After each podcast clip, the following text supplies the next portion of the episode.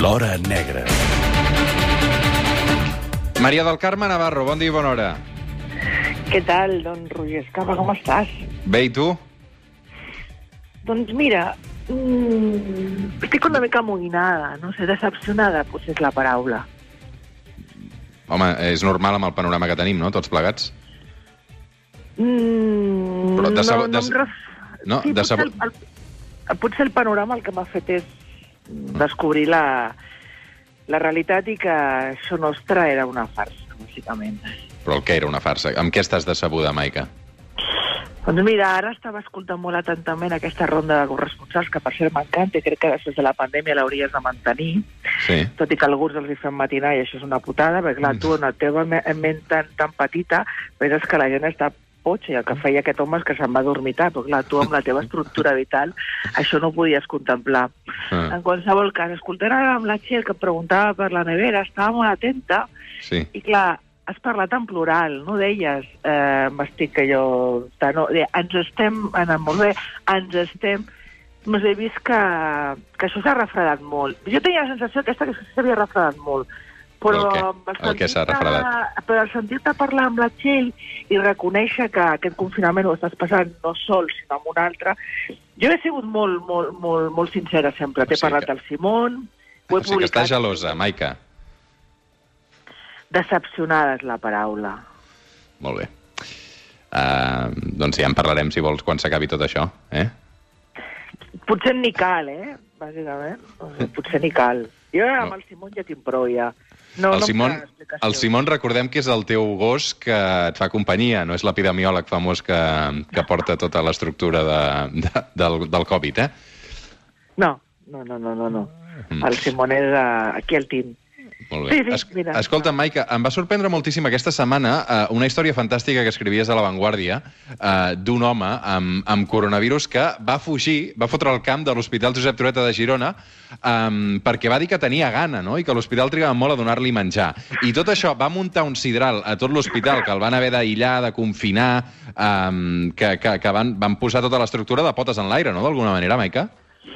Sí, eh, de fet, eh, jo, evidentment, eh, els hospitals aquests dies estan doncs, amb aquest estrès eh, evident i bé, aquest home va, va fotre el camp i va començar tot aquest, aquest sistema d'alerta de- i, i, i d'emergència perquè, evidentment, aquest home era un positiu i, a més a més, ens explicava amb una càrrega, amb una càrrega viral molt, molt elevada. Per tant, amb unes pro- probabilitats de contagi molt, molt, molt potents. I res, doncs es van activar les patrulles, eh, no tenia un domicili fixe, es va poder contactar amb el seu cosí i finalment aquest cosí va donar, eh, la va referenciar una adreça d'un pis on aquest home compartia amb altra gent i quan finalment la patrulla sap que hi és a dins però clar, tampoc es poden acostar directament, obrir la porta i, i fer-lo sortir, sinó que s'havia d'aplicar tot aquest eh, protocol de seguretat dels sanitaris del SEM que van venir amb tot aquest allò, a l'EPI, bueno, fent totes aquestes mesures de seguretat, el vam aconseguir agafar, retornar-lo a l'hospital i, evidentment, confinar els companys de pis amb els que estava i el que va explicar era res, que tenia molta gana, que feia molta estona que esperava i que no li donaven el menjar, i que, per tant, ell el que havia fet era anar a casa, dinar, i que pensava tornar l'endemà, que no havien de patir tant, que no entenia per què tot aquest sidral si ell volia tornar.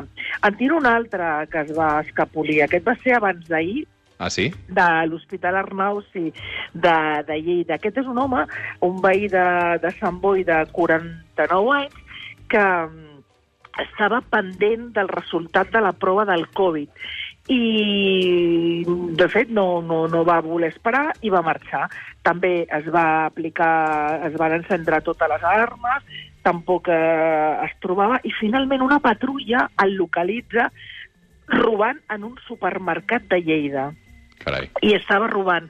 Uh, S'havien dut un pot de portava amagats al cos, un pot de marmelada, un paquet de sucre i una ampolla d'oli. Sigui, això era la combinació que havia agafat. I, i aquest, eh, bueno, també el localitzen. Eh, en aquell moment els Mossos el, el localitzen perquè és el, el personal de seguretat del, del supermercat qui alerta que han vist un home que està furtant i quan l'agafen, bueno, miren el... veuen que porta papers de, de, de l'hospital i és comproven que és un home que, que s'ha escapolit de, de, de l'hospital. I, ostres, també, imaginen, no? la parella de Mossos, eh, no saben... Eh, finalment, aquest home havia donat negatiu, però, clar, no ho sabia ell, sinó, bueno, ell el que va dir era... Bueno, el que va dir era que no, no em va explicar gaire cosa, perquè aquest és un home que tenia gairebé 50 antecedents de, de la Policia Nacional al seu moment. Era un històric eh, atracador, que ara bueno, està a Lleida, tenia per Mossos unes cinc denúncies per violència domèstica, i bé, havia marxat, i bueno, va, el van retornar a l'hospital i amb aquesta, amb aquesta denúncia per, per furtar, a per furtar al supermercat. Afortunadament, en aquest cas havia estat negatiu de, de, de Covid i, per tant, l'alarma va ser momentània, però hagués pogut també muntar un sideral important. Carai, és que clar, evidentment, amb, amb el risc que suposa per tota la gent amb qui està en contacte quan, quan decideix eh, abandonar les instal·lacions sanitàries. Escolta, Maica, deixa'm canviar de tema, eh, deixa'm situar a, a Barcelona, perquè um, el coronavirus aquesta setmana um, també ens ha demostrat que la situació al Raval no està canviant gaire, no? Uh, que els narcopisos, molts d'ells, continuen funcionant a ple rendiment uh, i que aquí, evidentment, el distanciament social en alguns carrers uh, no hi és per enlloc. Um, fins i tot explicaves aquesta setmana que s'ha trobat una persona morta uh, per coronavirus precisament en un d'aquests narcopisos, no? A veure, el, el Raval i altres barris de, del centre de Ciutat Vella, i això també està passant, per exemple, al barri de, de Sant Adrià de la Mina i segurament altres indrets de, de, de tot el territori on, on hi ha concentració de, de, de drogodependents. Um, clar, uh, però parlo exactament de, de, del Raval i, i de, del centre, que és on he estat uh, aquests dies uh, treballant i, i observant en primera línia el que està passant. Que passa? Tu tens uns veïns que estan complint el confinament i que surten al carrer per allò que està autoritzat, però al mateix temps veuen des de les seves finestres o balcons com hi ha determinada gent que, que se'l salta. I de què estem parlant? Estem parlant dels drogodependents. Clar, eh, hi ha tot una, un col·lectiu de persones que per molt confinament que hi hagi, ells continuen necessitant una substància per consumir. I aquí, i aleshores, aquest trànsit de persones, clar, unes persones que moltes, en la seva majoria, aconseguien els diners eh, estem parlant d'una drogodependència en un estat molt, molt, molt, molt límit, eh, molt extrem. Està, o sigui, per tant, que no estan treballant. I aconseguien els diners o bé eh, d'almoina, demanant, o bé en petits furs, que no hi ha gent per furtar. Els que furten són els que baixen a buscar el pa o surten de la farmàcia, etc. Doncs, clar, eh, i s'intenten buscar la vida. I, a més a més, tens una població de sense sostres que cada cop és més important. Per què? Recordeu que al començament de la crisi es va obrir a la Fira de Barcelona un pavelló amb l'Ajuntament, Creu Roja, l'Exèrcit va, va contribuir a la seva instal·lació per sense sostres. Molts van arribar allà, però molts estan marxant perquè de la disciplina que impera en aquella fira i que és obligatòria i evident i normal, bueno, doncs a molts no s'ajusta amb la vida de sense sostre, de, de, de viure al carrer, i cada cop estan retornant més al centre. Per aquests dies calcula que sense sostres em explicaven a la comissaria de Sotapella abans d'ahir deu haver-hi unes 300 persones que estan dormint al carrer uh, i després estan aquests drogodependents. Bueno, és que la droga l'aconsegueixen allà. Estem parlant d'heroïna, estem parlant de crack, estem parlant de marihuana, de hachís, bueno, de cocaïna. Uh, de moment hi ha substància. També els, el, els mercats estan absolutament aturats de subministrament de, de droga. Pensa que l'heroïna entra normalment per l'aeroport, per persones, per mules individuals, no entra en grans carregaments. I, per tant, això ja fa molt de temps que no hi ha trànsit a, als aeroports. O sigui, per això, això d'aquí poc també provocarà un problema, perquè es veu que hi encara hi ha estocs, però això s'acabarà. Per tant, què està passant? Bueno, que hi ha una activitat de gent al carrer que, clar, que és molt contradictòria amb l'estat de confinament i els veïns estan més que indignats, evidentment estan més que indignats. Mossos, què pots fer? Tu no pots obligar a ningú a fer res. Els jutjats estan aturats. La judicatura és l'únic organisme oficial que ha decidit aturar-ho gairebé tot. I ja tots els organismes essencials estan treballant a, bueno, a camp, bueno, mig, menys rendiment, però no han parat de treballar. Els jutjats, no, els jutjats no volen detinguts, els jutjats només funcionen els de guàrdia, i clar, eh, no hi ha ningú que pugui donar una ordre, no sé, i ara m'invento, eh, una ordre, un jutge que obligui o, o faci un escrit de que s'ha d'obligar a confinar en aquest període essencial a determinada gent, però per llei, però clar, un policia tu pots sancionar, i de fet, ahir va haver una operació especial a, la, a, la, a Nou de la Rambla, eh, i, però en la que fas només pressió, demanar documentació, van participar Policia Nacional i Estrangeria demanant documentació perquè aquests sense sostre i toxicomans entenguin que se'ls està pressionant, però vaja, no se'ls hi pot fer absolutament res, com pots comprendre les sancions, doncs tal, tal com te la presento, les tripo, perquè tenen poc recorregut.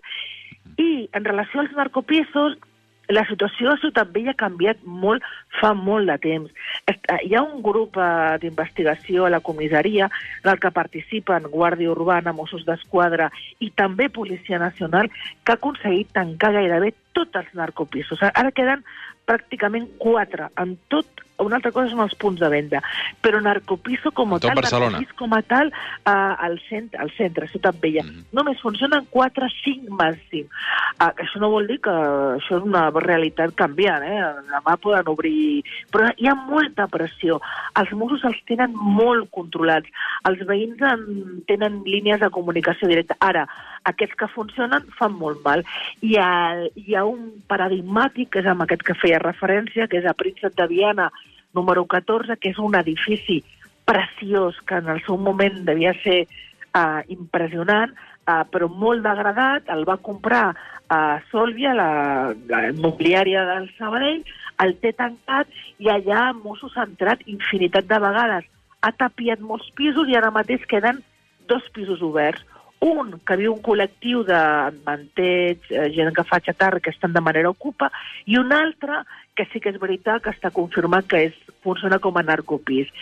En un d'aquests pisos va morir diumenge, eh, passat aquest, i aquesta que feia la referència, un senegalès de 64 anys, tenia problemes d'asma i els seus companys el que van explicar és que de sobte tenia, portava molts dies amb febre, i, a veure, tal com està passant últimament a Barcelona, tu et mores a casa i el que està al teu costat eh, indica que has tingut febre i tos, i no es presenta al forense i passa com a mort coronavirus. Per tant, els veïns sospiten i tothom sospita que aquell, que aquell edifici està absolutament contagiat de, de coronavirus, de coronavirus, de rates, perquè és deplorable i és inadmissible que hi hagin edificis com aquests, o sigui, no pot ser que amb un deteriorament i amb unes, eh, amb una, unes condicions tan deplorables amb gent que està vivint al costat i és, és...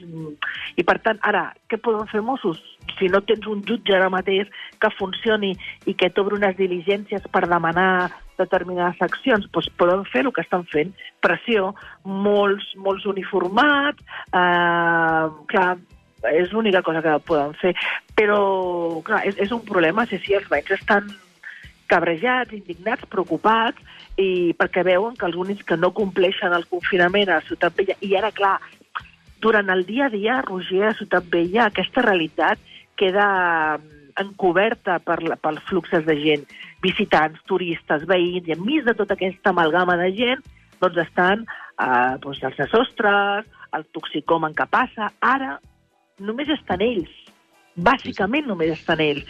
I clar, encara fa més, és més colpidor pels veïns que ho veuen ah. des de les finestres. Maica, em queden dos minuts i et vull preguntar per la situació a les presons eh, catalanes perquè eh, hi ha una seixantena eh, d'infectats, crec que eh, en diverses presons, fins i tot el director de Quatre Camins eh, està de baixa per, per coronavirus eh, sí. i també alguns d'aquests infectats són funcionaris, evidentment, eh, treballadors. Sí, a les presons és veritat que el, el col·lectiu de funcionaris ha, ha estat pressionat. cada presó jo crec que ha gestionat d'una manera molt diferent uh, la crisi i jo posaria com a exemple la, la presó de Brianzú, que jo crec que és la, la, la emblemàtica uh, per, per, per magnitud a les presons catalanes, que la seva directora va fer una gestió que els propis funcionaris aplaudeixen.